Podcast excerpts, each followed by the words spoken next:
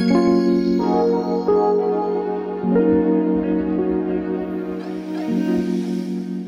Dobrý den, dámy a pánové. Vítám vás u našeho dalšího podcastu, kde spovídáme české designéry.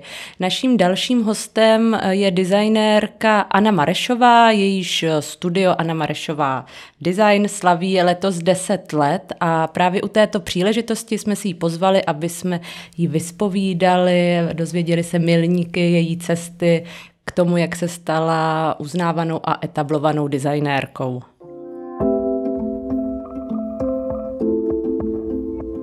Anna Marešová vystudovala produktový design na Fakultě umění a designu na Univerzitě Jana Evangelisty Purkyně v Ústí nad Labem a Britské univerzitě v Derby. Na základě své diplomové práce založila v roce 2013 českou značku Hub de Du, která se věnuje výrobě erotických pomůcek.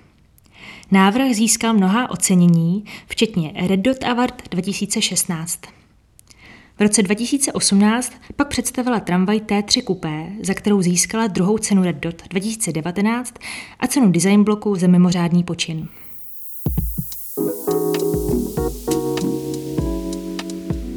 Ahoj Aničko, vítám tě tady u nás. Ahoj.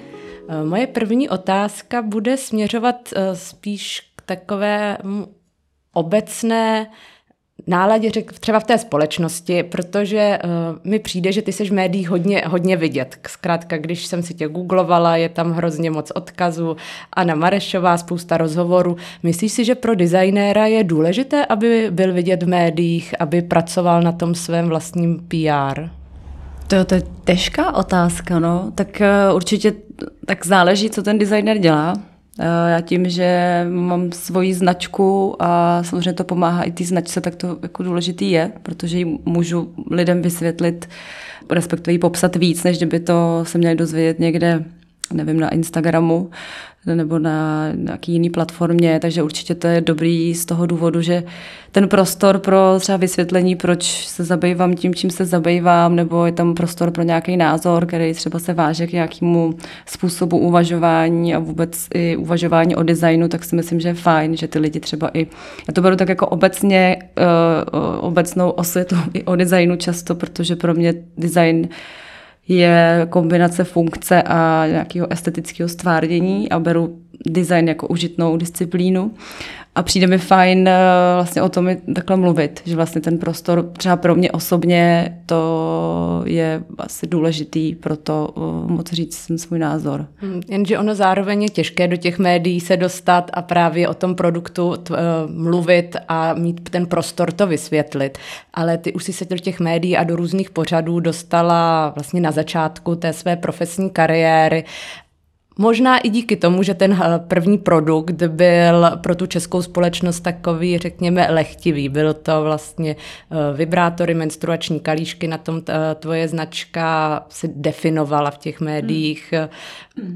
Nevadilo ti to třeba v určitou chvíli, že vlastně i díky té určité kontroverznosti si tě ty novináři a ty média zvou do těch pořadů a že ten design je, tam hraje až tu druhou roli, nebo jsi to vzala pragmaticky, utilitárně využiju tady téhle té možnosti. Tak já jsem to spíš brala jako výhodu a říkala jsem si, že to je fajn a z začátku jsem říkala, to je super. Se díky tomu ty lidi dozvědí o té tramvaji, že to vlastně mělo takové, že říkala, to fakt je skvělý. A zároveň jsem zjistila, že vlastně to téma těch pomůcek uh, intimních je hodně nosný a že to ty lidi zajímá. A tím, že jsem začala tady tím tématem na škole, byla to moje diplomka, tak eh, já jsem to brala tak, že to byla moje osobní výzva udělat takovou diplomku vůbec na té akademické půdě. A já jsem tam neměla vůbec žádný jako zjištný záměr, že to bude prostě jako, že to bude fungovat v médiích. Mě pak někdo říkal, no, tak to musela vědět, to prostě, že se to chytne. A já jsem říkala, no, já si myslím, že kdybych to jako pládovala, tak to nikdy neklapne, ale tím, že jsem to prostě vzala jako tak jako přirozeně a vlastně jsem si říkala, jo, tak mě to zajímá, tak uh, si myslím, že to mohlo zafungovat a mě samotnou překvapilo ta, ta vlna těch médií. Já si pamatuju tenkrát, jako, že prostě to bylo fakt eh, ten jeden rok nebo ten jeden vlastně okamžik, ten zásadní, že to najednou bylo jako všude, že já jsem vás toho jako taková překvapená. A jak se v tom cítila i ty sama osobně komfortně v takovéhle situaci, protože jak sama říkáš, najednou eh, z pohledu prostě mladé absolventky plzeňské Eh, univerzity, Ústecké UJ, pardon, uh, si se najednou dostala do středu uh, zájmu médií jako velká hvězda, celebrita. Cítila i ty sama osobně se v tom komfortně? No já jsem se cítila vlastně komfortně, akorát jediné, co vlastně bylo pro mě takový jako znepokojící, bylo to, že když se to dostalo do médií, tak to byly prototypy. A já jsem naopak jako jsem říkala, to je v pytli, prostě ty lidi to chtějí teď a ono to, my si myslí, že to je hotový. Takže mě vlastně tady ta vlna když to řeknu takhle jako dokopala k tomu, že jsem říkala, to musím zrealizovat. Já vlastně jsem se dělala závazek, jako přišlo mi to vlastně zavazující, že jako ukazuju něco lidem, co by mohli mít a já vlastně myslím, že to byl velký, jako velká motivace pro to ty věci dotáhnout. No. A protože mi ty lidi různě psali, že to chtějí koupit, pak se mi ozývali různí investoři, takže já jsem absolvovala spoustu schůzek uh, s investory, někdy to bylo fakt jako no, zajímavější víc než zajímavý, ale byla to taky obrovská zkušenost. Já jsem si tam vlastně vymezovala nějaké hranice a mm, vlastně po nějaké době, vlastně to byly skoro dva roky, tak já jsem dospěla k tomu, že tu věc chci dělat poctivě. Moje, moje motivace byla přivízt na svět fakt produkt, který bude kvalitní a bude fungovat. A vlastně to, to propojení toho, vlastně té funkce a toho designu a ta výroba, že bude fakt jako kvalitní, že to bylo prostě pro mě jako by na tom prvním místě jsem pak pes, který běží takhle za buštem a říká jsem to, musí, to musí být. Takže to určitě způsobilo to, že jsem se do toho takhle pustila. No. Takže ale asi, eh, jak říkáš, žádná z těch jednání s investory úplně nedopadla a ty si produkt eh, vystavila úplně, řekněme, na zelené louce za pomocí svých schopností, znalostí a relativně malého týmu. No, je to tak, no. A vlastně, mm, protože je to já nevím, jak je to vlastně taková cesta, jo. To nebylo takový, že no to možná pak v těch médiích vypadá, že prostě to tak jelo, prostě já jsem ten proud prostě nějak jako korigovala, ale vlastně na té cestě bylo spoustu brzd a záseků a nešlo, nešly ty věci. Já jsem xkrát to chtěla vlastně vzdát, protože ty věci byly dražší, trvaly díl, nešla ta výroba, do toho jsem vlastně si, jako jsem založila firmu a Myslela jsem si, že to je podobný, jako když člověk pracuje na živnost, to je úplně jako jiná najednou disciplína. Jo, a najednou strašně administrativní práce, kterou jsem se furt prokousávala a čekala jsem, že se vždycky prokoušu a ten další rok už to bude jako jiný a zase přišly jiný jakoby pravidla a tak, takže vlastně tam byly takovýhle mm, do jisté míry překážky na té cestě, ale vlastně ty, jak jsi tady zmínila, ty investory, tak já během těch jednání, tak to bylo takový, že samozřejmě teď už jsem taky jako jinde v, tom, v těchto těch úvahách, ale já jsem tenkrát prostě mm, jako měla fakt na prvním místě ten produkt, takže jsem cítila, že někdo je víc jako obchodně založený a úplně mu nezáleží na to, kde by se to vyrábělo a jak, tak já jsem cítila, jak jsem si tam dala jako brzdu a prostě jsem si řekla, a ne, prostě to ne, ním nepůjdu. Takže vlastně tam byla i nějaká jako osobní já nevím, jestli nějaká jako ješitnost do jistý míry, možná asi jo, určitě, nebo nějaký ego, že to prostě zkusím sama, že mě to vlastně lákalo to zkusit, protože jsem tu cestu nějak viděla. A říkala jsem si, to musí jít a vlastně v tom návrhu byly čtyři kusy těch produktů a vlastně na těch jednáních se, jsme se vždycky bavili o všech těch kusech. A já jsem si pak říkala, tak já můžu zkusit jenom jenom jeden ten typ toho produktu. A vlastně mi to najednou přišlo jako cesta a vlastně jsem úplně se koncentrovala prostě na ten, na ten první produkt. No.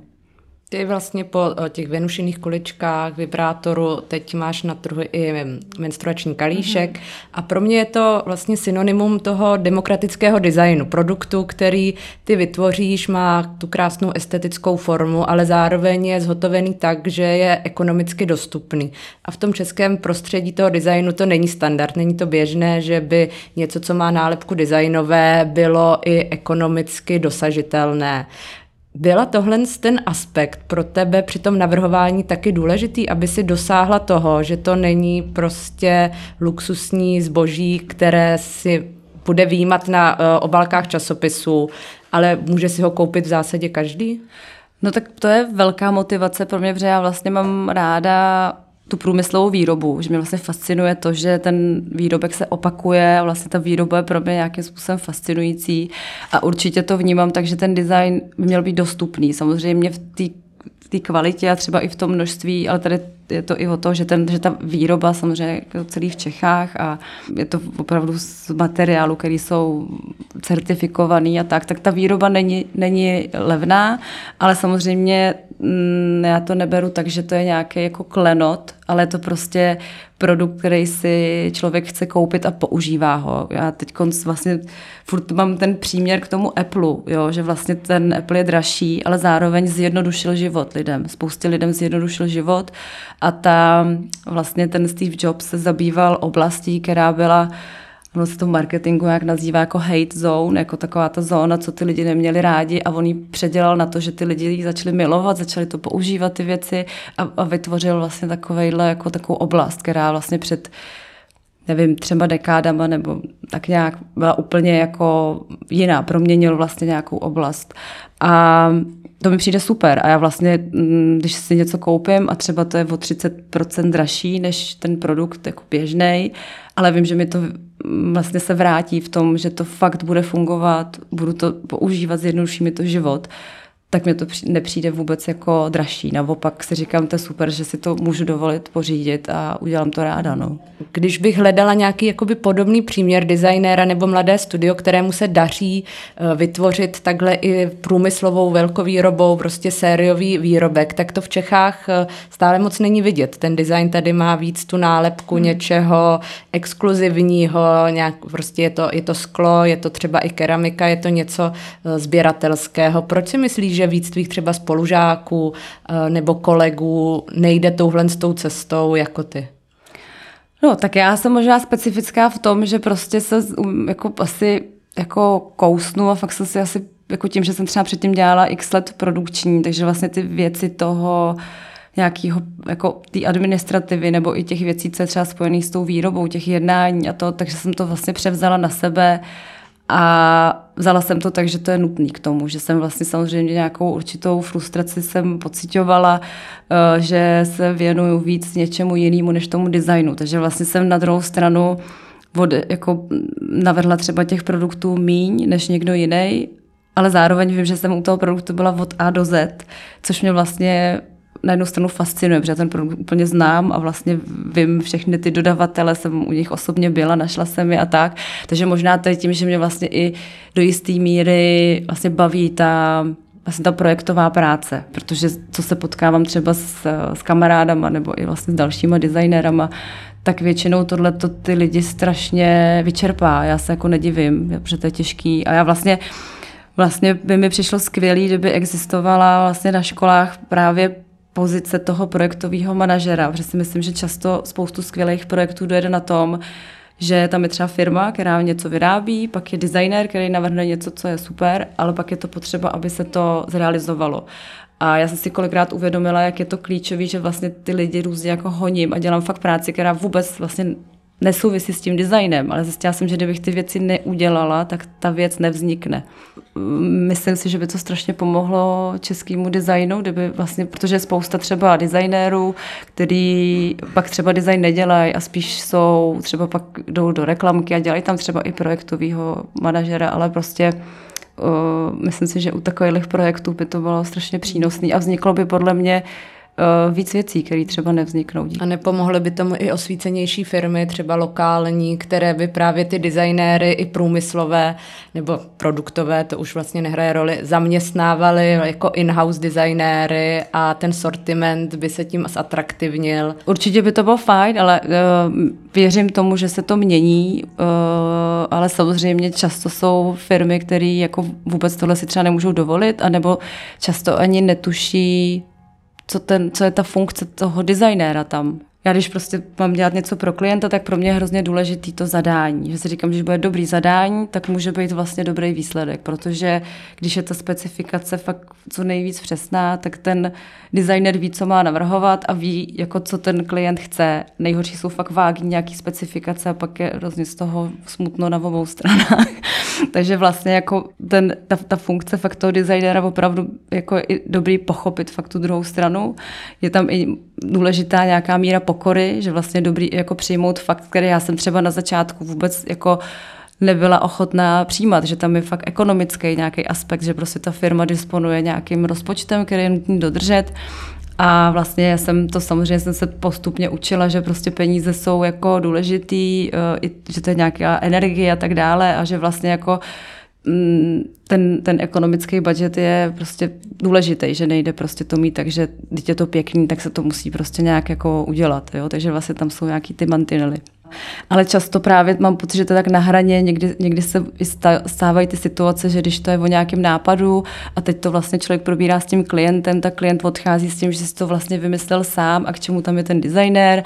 Jo a vlastně je to hrozně těžký, myslím si, že v současné době úplně není jako Mm, ty designéři nemají úplně to uplatní, že by jako dokončili školu a nastoupili prostě do práce jako designéři, jo? že těch firm tady je fakt málo, co je zaměstnává, hodně jsou to třeba automobilky, což je hodně specifický design, takže potom vznikají přesně jako malý studia, který dělají malé série a, a jedou třeba fakt ty luxusnější věci nebo do toho jako art designu spíš, protože že jo, třeba sklárny, tak ve sklárně je jakoby mm, snaží se domluvit, nejsou to sériovky jako velký, jo, takže vlastně tam jsou ty možnosti jako mm, ten výrobek přivést na svět, jako neříkám, že finančně nebo náročně, jako je to určitě náročný, ale ty možnosti tam jsou, ale potom, potom když děláte nějaký výrobek, který se má vyrábět ve statisících, tisících, tak je to vlastně uh, výrazně těžší to jako Takže myslím, že je to vlastně v dnešní době pořád takový střed dvou světů, které uh,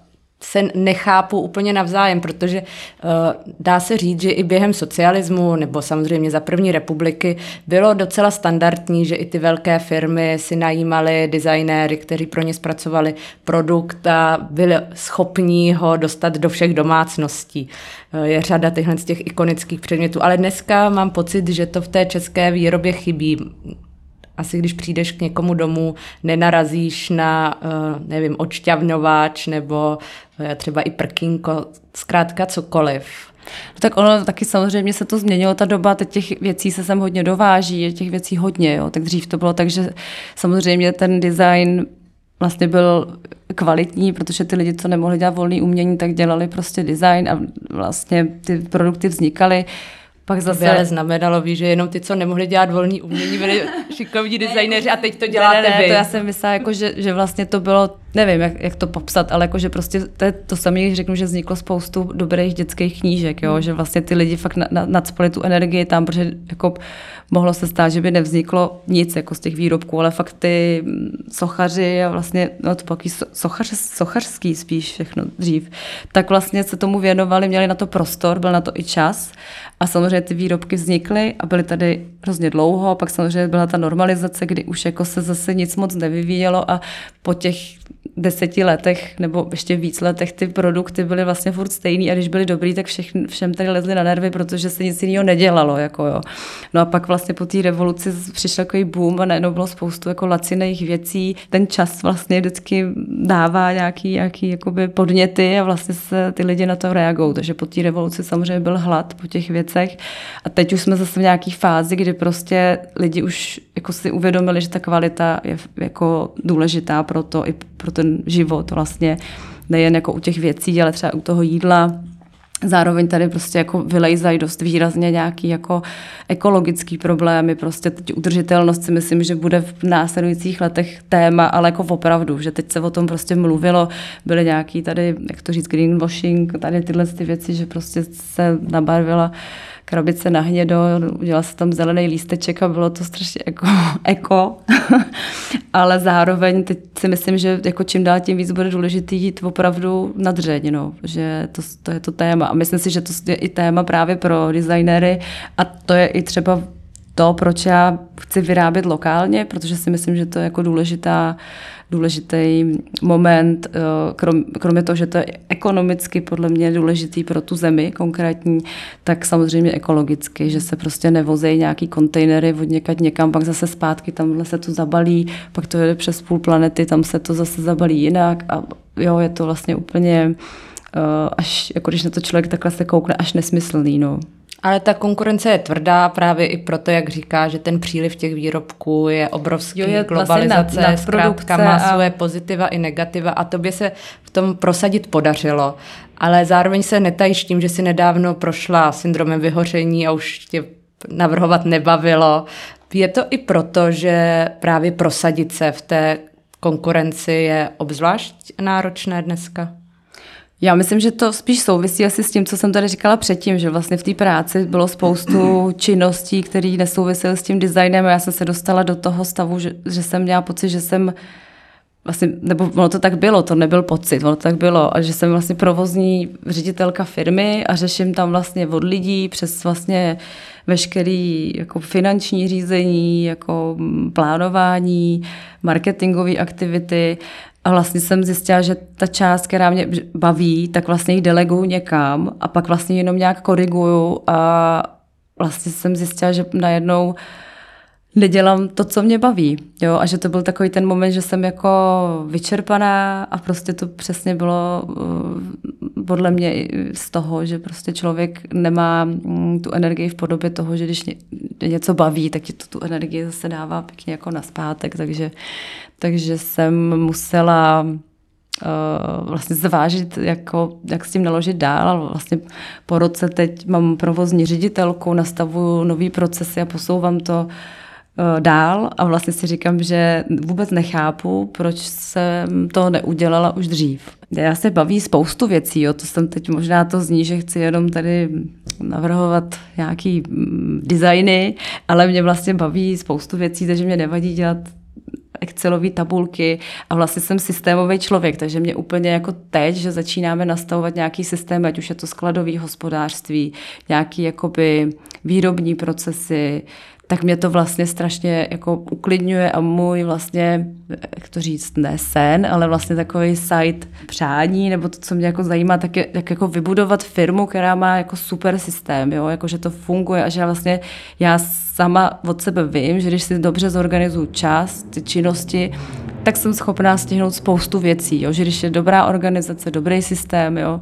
tak člověk opravdu stihne hodně dobře a není to tak jako vyčerpávající. Takže vlastně od toho, jak se ukládají soubory, aby člověk nemusel nic jako hledat věci. Takový malý korporát. Uh, takový malý korporát, ale jako funkční v tom slova smyslu, že to prostě jako, jako si tak říkám, že, to je dobře, že by to měl být dobře namazaný stroj, ale zároveň s tím, že ta vize je taková, uh, že to není prostě aby tady neměli posluchači teď pocit, že to je nějaký teror prostě, ale jakože, aby se těm lidem v tom dobře pracovalo, chodili tam rádi, to je samozřejmě další, jakoby ta, ta moje vize, že to prostě tak je, no. Já jsem vlastně na ten pořádek taková jako za, za zaměřená, takže kdyby mi někdo chtěl něco províst, tak by mě poslal do nějakého chaosu a to opravdu jsem smutná. A byla jsi smutná i teď, když jsi se účastnila soutěže na novou lanovku na Petřín a ta mhm. soutěž úplně nedopadla a vlastně i tím, že si teda zodpovědná za víc lidí i v tom týmu, jak si nesla třeba konkrétně tuhle tu situaci? Podle eh, tedy dopravního podniku ta soutěž není uzavřená, bude se dál vybírat a vlastně by mě zajímalo, jestli tě takovýhle uh, nechci říct neúspěch, protože to není žádná tvoje jakoby osobní prohra, ale nějak te, to, tolik množství vložené energie mm-hmm. do projektu, který z nějak i navenek nepochopitelných důvodů padne, eh, jak se s tím vypořádáš a jestli konkrétně i budeš dál soutěžit o tu zakázku. Tak samozřejmě člověk je smutný, pak já si vždycky říkám, že je dobrý, ale vlastně si tu zpětnou vazbu fakt dát upřímně, jakože vlastně to jako mm, si říct OK, tak jako ego stranou. a tam bylo to, že já jsem si pak říkala, že že bych chtěla ten projekt dotáhnout podle těch komentů té poroty právě. Takže já jsem byla připravená na to ten projekt dotáhnout, i když, bych, i když jsme prostě už nebyli v tom v tom výběrovém řízení, protože jsem si říkala, že to chci dotáhnout tak, abych to mohla odprezentovat tak, abych se za to postavila. Řekla jsem, řekla, a měla jsem dobrý pocit z toho, že, to, eh, že jsme odvedli fakt jako práci takovou, za kterou se můžeme postavit. No a už, už jsme to měli eh, v takovém jako stádiu docela rozdělaným a vlastně pak přišlo to oznámení, že ta, že ta soutěž se celá ruší, protože jeden z těch vlastně finalistů nedodal vůbec ten návrh takže já jsem pak si říkala, to, to je úplně to je úplně jako vůbec nevím, co, co mám s tím dělat a co si o tom mám myslet. Říkala jsem, pouštím to vlastně, tak, tak to prostě nějak bude, třeba se to ještě jako znovu nějak vyhlásí, nevím. A úplně jsem to vypla, řekla jsem nic, už prostě nemůžu pro to víc udělat, vypínám to. No a začátkem léta vlastně se vyhlásilo znova to předposlední, nebo, posl, nebo to druhý kolo vlastně, takže ty účastníci byli znovu osloveni do té soutěže. Uh, upravili se tam ještě nějaké jako materiály pro odevzdání a já jsem do toho šla znovu. To zna, znamená to, že stále takže, šance, takže, že tvoje takže jsme, takže jsme zase v té soutěži, to soutěž zase je, teď vlastně to, uh, teď máme nějakých um, pár dnů do odevzdání a takže vlastně uh, zase fičák, ale musím říct, že se v tom cítím o hodně líp. Ať to dopadne, jak to dopadne, tak mám z té práce radost. Takže, takže vlastně pro mě teď už jako to, že mm, to odezdáme v nějaké formě, která bude pro mě ta pravá, tak vlastně si říkám, to je, to je fajn. Jak jsme říkali na začátku, tvoje studio slaví letos 10 let. Mm-hmm. Jaké jsou ty tvoje největší milníky? I ty možná pozitivní, i ty negativní, prostě ty zásadní momenty těch deseti let fungování studia? No, já, tak já myslím, že první milník byl vůbec jako ten název toho, protože já jsem to studio založila, že jsme tam ještě vlastně spolupracovali s kolegou, se Sergejem Kuckyrem a nějak jsme řešili, že nějak budeme mít asi spolu studio nebo něco. A teď vlastně On ještě pracoval, byl částečně zaměstnán jinde, takže to bylo takový, jako že se to formovalo, do toho prostě přišla tady e, národní cena za, za Hub Dedu, spustil se, spustila se ta mediální smršť a kamarád mi řekl, ty by si měla mm, zaregistrovat jako značku toho a zaregistrovat si ty vzory, prostě průmyslový vzor. No a abych to, a já jsem to nechtěla dělat na fyzickou osobu, takže jsem musela založit vlastně SROčko, a furt jsem říká, jak ho pojmenuju, jako, jak pojmenujeme, říkám, tak jak pojmenujeme to naše studio a to. A pak jsem jako zjistila, ten Sergej vlastně, že úplně asi to není to, co bych chtěl. On vlastně teď ani nežije v Praze, takže úplně vlastně jsme měli každý jiný, jinou představu o té budoucnosti a, a Martin Právník mi volal, říká, tak už, tak jak se to jmenuje, už to tam musím jako za, nějak dát a já jsem říká, tyjo, tak já, tak já nevím, já vlastně nevím.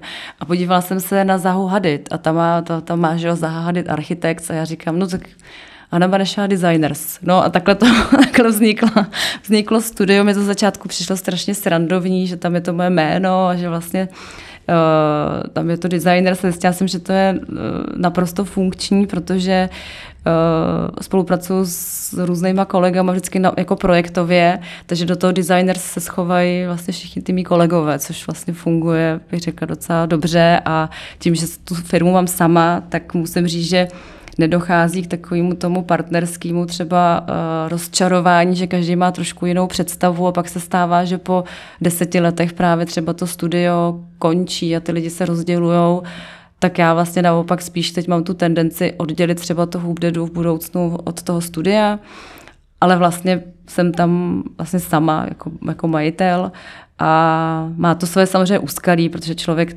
má jako na něm je všechno to rozhodnutí, takže což mi došlo jednou úplně ta tíha toho, že jsem říkala, jsem se vždycky, jsem řešila nějaký problém, jsem se ptala různě všech, kdo jak by to dělal a vlastně jsem měla pocit, že to někdo tak nějak jako za mě vyřeší a pak jsem se vždycky říkala, ale vlastně já se musím rozhodnout. a, a samozřejmě na druhou stranu to je strašně, mm, si člověk zase zvykne, že um, sice to je tíha, ale zase to obrovská svoboda, takže prostě pak jsem si řekla, já už chci udělat ten kalíšek před těma dvěma lety, který já jsem měla v hlavě ještě před těma kuličkama, paradoxně, že to byl jeden z takových jako produktů, který mě zajímal. A prostě jsem řekla, ale to to uděláme. A on přišel covid a já jsem vůbec nevěděla, co bude.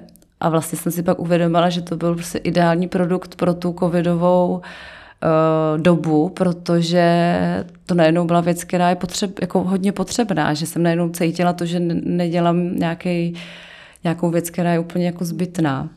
Takže jenom když se ale ještě vrátím na začátek té otázce, dá jo. se říct, že ten milník a propad je vlastně někdy to, že jsi v tom sama, v tom v těch deseti eh, letech v tom projektu. Jo, bylo to, bylo to takový, že jsem měla určitě spoustu momentů, kdy jsem si říkala, kam tohle jako vlastně vede, jo? že vlastně jsem jako, byly to, byly to třeba momenty toho, že jsem se fakt pustila třeba do toho vibrátoru, což je vlastně produkt, který má v sobě elektroniku A teď já jsem ještě udělala crowdfundingovou kampaň, tenkrát na Indiegogo, což je prostě americká platforma, takže Češi na to moc nekupovali, takže to bylo těžké to jako nějakým způsobem jako pro, po, porazit ty čísla tam. A zároveň teda to povedlo, což já jsem byla úplně jako mile překvapená, byla jsem úplně šťastná, nicméně se nedařil třeba ten vývoj a já jsem měla už utopený všechny peníze tom vývoji ale ten produkt vůbec nebyl. A já jsem si říkala, tyjo, co jsem to jako provedla. Pamatuju si, to bylo rok 2015, kdy prostě jsem ještě na, jako si nemohla vzít ani půjčku, protože jsem byla v červených číslech. A já jsem prostě si pamatuju, že jsem tenkrát i si říká, tak já asi, to už je ten moment, kdy asi teda toho investora jako bych chci, což je vlastně z pohledu jako biznisu vlastně podle mě špatně při, přizvat si investora v době krize, jo, že vlastně to je spíš dobrý, jako když to člověk přizve v nějaký moment, kdy to jako může naopak růst, ale vlastně jsem neměla finanční prostředky a tenkrát vím, že začínal projekt Zonky a ty mě oslovil jako pilotní projekt, takže já jsem úplně říkala, a oni nějaký mi říkali procenta a já říkám, to je super, beru všechno, potřebuju prostě to do, do, dodělat. A vlastně jsem zase díky tomu poznala spoustu nových lidí, jo, že mě vždycky přišlo do cesty nějaký průser. A, a pak vlastně ten průser se jako řešil nějakou třeba cestou, která byla třeba pro někoho byla riskantní a pro mě byla vlastně jediná možná cesta. A tím, jak třeba to byla jediná možná cesta, tak já jsem se jí nebála. Já jsem říkala, hele, je to hop nebo trop. A vlastně a pak jsem tím prošla, zjistila jsem, že jsem poznala spoustu jako skvělých lidí, vlastně vyzkoušela jsem si nějakou jako formu, jako nevím, i ty půjčky, jo, bylo to vlastně zajímavý. No a vlastně letos uh, byl taky další takový milník, uh, kdy vlastně začala válka, bylo to potom poměrně vyčerpávajícím v období covidovým, kdy pro nás teda na jednu stranu paradoxně nějaký to období lockdownu bylo naopak jako lepší, protože ty lidi prodávali, eh, prodávali nakupovali vlastně takovýhle zboží. Uh, ale samozřejmě mělo to nějaký jenom časový prostě mm, úseky to byly, že jo, z začátku toho covidu to se taky tak jako přibrzdilo, no ale největší propad třeba byl teď, když začala vlastně válka, tak nám klesly prodeje vlastně o 80% ze dne na den a vlastně já jsem si, řík, ne, jsem si uvědomila, jak ta firma je křehká a jak vlastně nejen ta firma, ale jako celý ten jako trh a celý ten svět. Úplně jsem si jako uvědomila, že ty že to jsou jako vlivy, které já jsem do té doby zase tolik nezažila, kromě toho covidu, že jsem vždycky řešila takový ty interní jako problémy, že tady prostě vyvíjím něco, ne, nejsou peníze, ale furt, furt vlastně to okolí bylo jaký bezpečný. A teď najednou jsem se dostala na takovou hranu, když jsem si jako uvědomila ten moment toho, že že vlastně to může nějakým způsobem jako narazit. Jako, a neovlivním to. No a to, co mě uklidnilo, bylo to, že jsem si říkala, no ale jako já můžu přece jít a můžu jít dělat třeba něco jiného a třeba to bude dobře. A vlastně tenhle ten moment mě jako vyklidnil, že jsem si říkala, že nemůžu, že vlastně najednou se říká, tyjo, deset let tady jako práce a teď úplně jsem už si představovala, jak zavírám ty vibrátory do sklepa prostě a už to tady jako balím a říkala jsem si, no a pak jsem si říkala, no a, a co, jako žiju, můžu prostě jít dělat, můžu jít do knihovny, skládat knížky. Já jsem knihovnice původně, takže...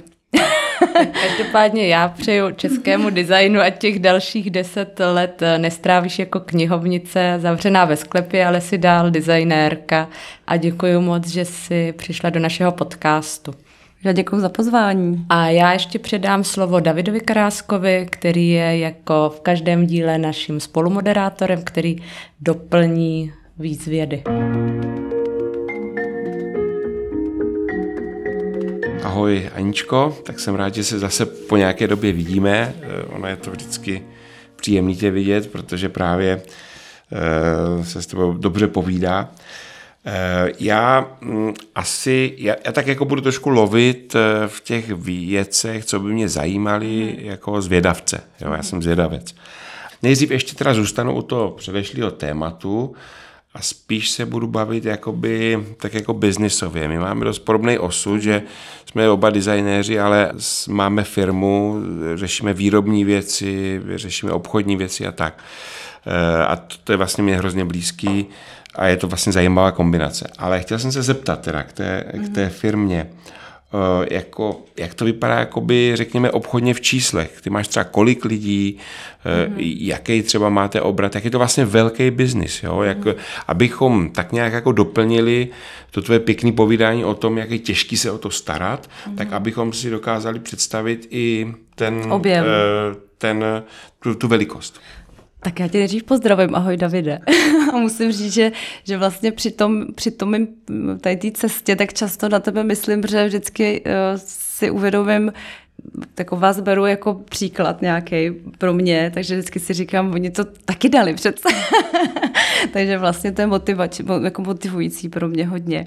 No a ten, uh, ten objem, já spíš to asi řeknu tak, že uh, pro, prodaných kusů jsme, já nevím, 7, 27 tisíc nějaký takovejhle, jako všechny produkty, když budu počítat. Teď, jako za rok nebo celkově? Ne, teď celkově, není to jako, za rok by to bylo dobrý, ale to počítám, že bude v následujících deseti letech a samozřejmě ta, ta tendence nebo ten, ten směr, tak uh, i s tím, jak jsem tady povídala o tom, že eh, chci rozšiřovat ten tým, tak uh, chceme prostě udělat ten krok do zahraničí a prostě jít, jít vlastně uh, z Čech, protože máme 80% jsou české objednávky, 20% je zahraničí, což si myslím, že se může jako překlopit a samozřejmě uh, to, si to uvědomuji, že ta značka má větší potenciál, než který já jí dávám. Je to i tím, že, že vlastně jsem dlouho ty věci jela třeba sama nebo vlastně s mý lidma. Teď je to tak, že vlastně ten core, jako by ten provozní,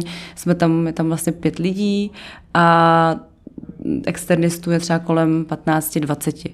Není to jako nějaký závratný tým, ale přesně to o tom, že, že jako mm, ten poslední rok já jsem se začala soustředit na to, abych tam měla seniorní lidi, protože to je základ, samozřejmě ty lidi jsou dražší a dostat se do nějakého, do nějakého bodu, kdy už se člověk může dovolit, tak vlastně trvá docela dlouho, nebo mě to trvalo dlouho.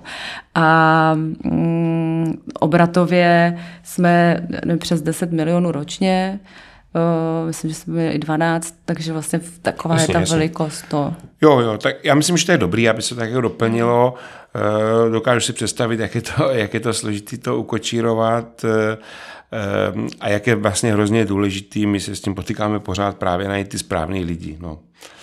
To je... je to ale vlastně zase na druhou stranu, když ty lidi najdeš, tak já mé cítím takový úplně pocit štěstí. Já to že, to, že to je vlastně takové, že si říkám, že to je skvělý a vlastně cítím a učím se třeba, když to není, jak já říkám, perfect match, tak tu spolupráci ne, nezbytečně nenatahovat, protože to není třeba o tom, že ten člověk je špatný.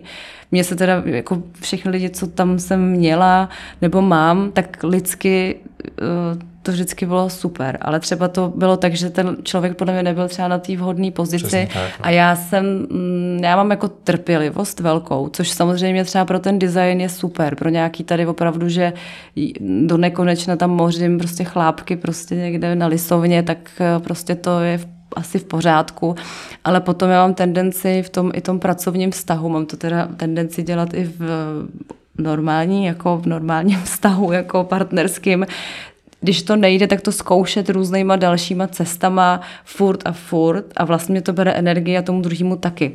Já vím přesně, o čem mluvím. A vlastně jsem si, no, a vlastně jsem si dal takový závazek, že když prostě ucítím, že to úplně není ono, tak to prostě si připustit třeba na začátku, jo? protože já jsem se říkala, já nechci za sebe taková, že jako si vybírám ty lidi a tenhle se mi nelíbí, tohle a že jako vždycky vidím na tom člověku, co má jako dobrýho, ale pak si říkám, já to musím brát z pohledu té firmy, co je dobrý pro tu firmu.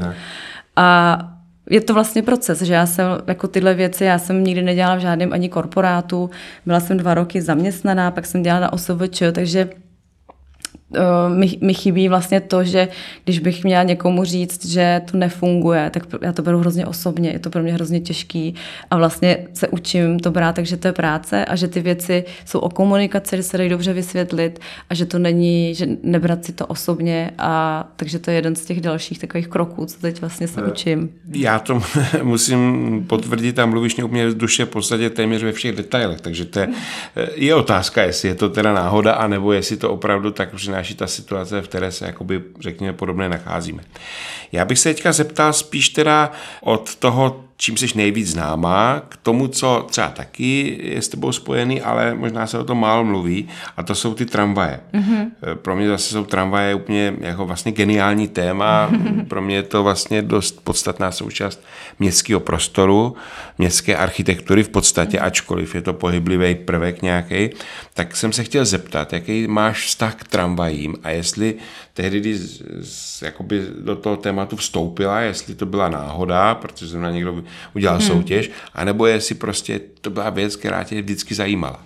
Tak já řeknu o sobě, že jsem milovnice kolejových vozidel, což kdyby slyšel Janek Rubeš, tak se zase směje, protože toho nesmírně pobavilo. Asi před pěti lety jsme se potkali a, a rád to používá, takže Uh, takže je to tak, jsem milovnice kolejových vozidel a myslím si, že to mám od dětství. A já jsem asi před třema lety přišla na to, jako proč mám i ráda tramvaj. Já jsem jako narozená v Praze, naši neměli nikdy auto, takže jsme jezdili dopravou vždycky a, a tramvaj jsem prostě běžně používala.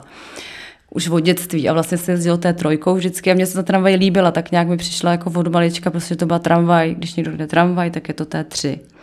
A my jsme jezdili do Jižních Čech na chalupu tramvaj. a tam jezdí, ne, jezdili, jezdím vlakem jsme jezdili a tam jezdí úzkokolejka. A já vlastně jsem je, a ty, ano, no. a já jsem s ní jela vlastně, protože já jsem na ně tam koukala na tom, v tom Hradci Jindřichově, na tom nádraží, tam byli, jsou zaparkovaný a nikdy jsme s nimi nejeli, když jsem byla malá. Až teda před třema lety jsem jela tou úzkokolejkou a vlastně jsem si to uvědomila, že vlastně to má podobné proporce jako ta tramvaj a že vlastně jsem si říká, to já jsem možná se nejdřív zamilovala do těch úzkokolejek a pak jsem to nějak přenesla asi jako na ty tramvaje. No a pak jsem vlastně už byla na, na, na vejšce ve druháku, myslím, a zrovna byly, že budou nový tramvaje, jako, teď si pamatuju, že jsem stála na Pavláku a tam přijela ta 14T mm-hmm. Porsche. A já jsem se na tu tramvaj hrozně těšila, já jsem nevěděla, jak bude vypadat. A tam jsem ji viděla poprvé a já byla upřímně zklamaná tím, že jako tady máme té trojky, které jsou prostě super a mně vlastně pak najednou došlo, jak, jak moc jsou super, že ještě víc jsou super, než jako předtím, než jsem poznala ten rozdíl, jak může vypadat taky tramvaj. A my se tam nastoupila a teď už to tam je nějak jako zase trochu jinak řešený, myslím, že trošku přehlednějc, ale tenkrát já jsem vůbec nevěděla, kam si v té tramvaji jako sednout. Teď tam byly různý takový zákoutí, různý jako sedačky, různě jako položení, pak tam byla ta jeden a půl sedačka, kam když si sedl někdo s taškou, tak už tam nikdo nese další. A já jsem říkala, to je, to je hrozná škoda vlastně. A pak vlastně můj profesor, pan Apple, tak mi za rok řekl, jestli, já jsem mu to nějak říkala, že jsem viděla tu tramvaj a že mě to mrzí a to. No a on mi pak jako řekl, no tak, tak to udělej jako bakalářku tu tramvaj pro Prahu, ne? A já jsem na něj takhle koukala, protože jsem ve třetíku a vlastně jsem nic neuměla dohromady, jsem dělala pár jako věcí uh, vlastně drobných. A říkala jsem si, no to já asi nedám a on, pak to zkusíš, no. No a vlastně mi dal takovouhle obří výzvu a já jsem si právě uvědomila, že vlastně to je přesně jak jsi říkal, že to je architektura, která je ale zvenku i zevnitř, jo? že když děláš interiér, tak uh, ano, nebo když děláš, asi, já nejsem architekt, ale si tak jako představu, že buď děláš ten dům, nějakou formu zvenku a pak vlastně zařizuješ ty jednotlivé části v tom domě, ale tohle je tak jako, že se dotýká ten interiér toho exteriéru tak moc a ještě je do toho vidět, že to je najednou úplně jiná disciplína. A já jsem teda fakt, jako musím říct, že to pro mě bylo jako velká výzva se s tím jako poprat vůbec. No, no. Je to hodně komplexní úkol, jo? právě s tím se popsala a spoustu ještě dalších věcí, eh, provozních, eh, různé ty oblouky a všechny tady ty věci a Eh, takže je to jako na studenta je, hodně, je to hodně jako komplexní záležitost. No. No tak jsem byla z toho tak jako vykolejená, až jsem z toho udělala sadu erotických pomůcek. Jo, jo. no, ale já, já, já se nenechám svést k tomuto a budu se ptát dál na tramvaj. Mm-hmm. Jo? A tam by mě právě zajímalo, jestli to třeba sleduješ pořád dál, jestli e, každý má, nebo ne každý, ale mnohým lidem se stane taková určitá profesní deformace, mm-hmm. že pak kamkoliv přijedou, tak sledují to své téma. Mm-hmm. Tak jestli třeba e, ty tramvaje nějak sleduješ v jiných zemích, v jiných městech? Jako sleduju, ale není to takový, že by byla úplný šotouš a jela někam kvůli tramvajím, ale většinou, když jsem někde ve městě, tak tu tramvaj jako vyhled, nějak vyhledám, nebo když vyhledám, to zní jako blbě, ale jsem zvědavá, jaká tam jezdí tramvaj a tak nějaký povědomí, prostě vím, jaký jezdí v Portugalsku, jo, vím, jak prostě třeba na tom východě jsou třeba ty, ty té trojky, že třeba v Záhřebu mají menší jakoby rozchod těch kolejí, jo, že tam mají vlastně ty vlečňáčky za těma té trojkama, které tady nebyly kvůli chodkovým sadům, že by to, že by to prostě ta tramvaj prostě s tím vlečňákem nedala, tak jedou, jedou dvě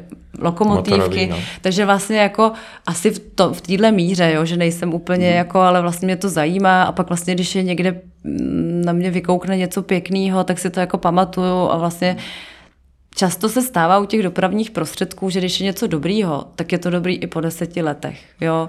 A vlastně mi přijde, že, to, že vlastně u těchto těch věcí je to tak strašně ten design důležitý, aby nebyl jako trendově nějak laděný, aby vlastně ta věc byla fakt jakoby pokorná, protože mně přijde, že když to není pokorný, tak je to prostě pro hezký obrázek, pro nějaký efekt, ale není to pro ty lidi. No tak u té tramvaje je to, jak jsem vlastně o tom říkal na začátku, je to vlastně součást toho městského prostoru mm-hmm. a vzhledem k té životnosti eh, to tam je v provozu, to znamená, je to vidět, ovlivňuje tu vizualitu eh, toho prostředí třeba fakt 20, někdy 30 let, takže přesně jak říkáš, ten, ta designerská zodpovědnost je hodně velká. No a jako myslím si, že jako fajn, já třeba vlastně mě baví i sledovat třeba ty double deckery, že jo, jak vlastně furt tam je ta linka navazující a, a vlastně vždycky se tam projeví do těch nových autobusů ta doba, co je třeba jako moderní, ale furt zůstávají v nějakým jako, furt, furt jsou jako ikonický, jo. Hmm. A to mě vlastně prostě baví a říkám si, to je vlastně dobrý, dobrý směr. A to není tak, že bych se bránila něčemu jako novýmu, ale spíš mám třeba pak problém s tím, když něco někam úplně nesedne, nebo to je jako proporčně nepříjemný, jo? že vlastně pro mě třeba dopravní prostředky je důležitý, jak se tam cítí ten pasažér. A je vlastně to od toho, jak se tam prostě pohybuje, jaký tam je světlo, jaký, jaká je třeba barva těch sedaček, což třeba není ani tak potom o financích, ale fakt o tom to nějak prostě skloubit. No. Přesně tak. Eh, tak eh, já ti děkuju eh, i za ty tramvaje, to je možná téma na, na, na celý rozhovor. A na celý život. Na celý život, no, milovník kolejových vozidel, jak jsi říkala. Eh, takže děkuju. Já taky moc krát děkuju, měj se hezky.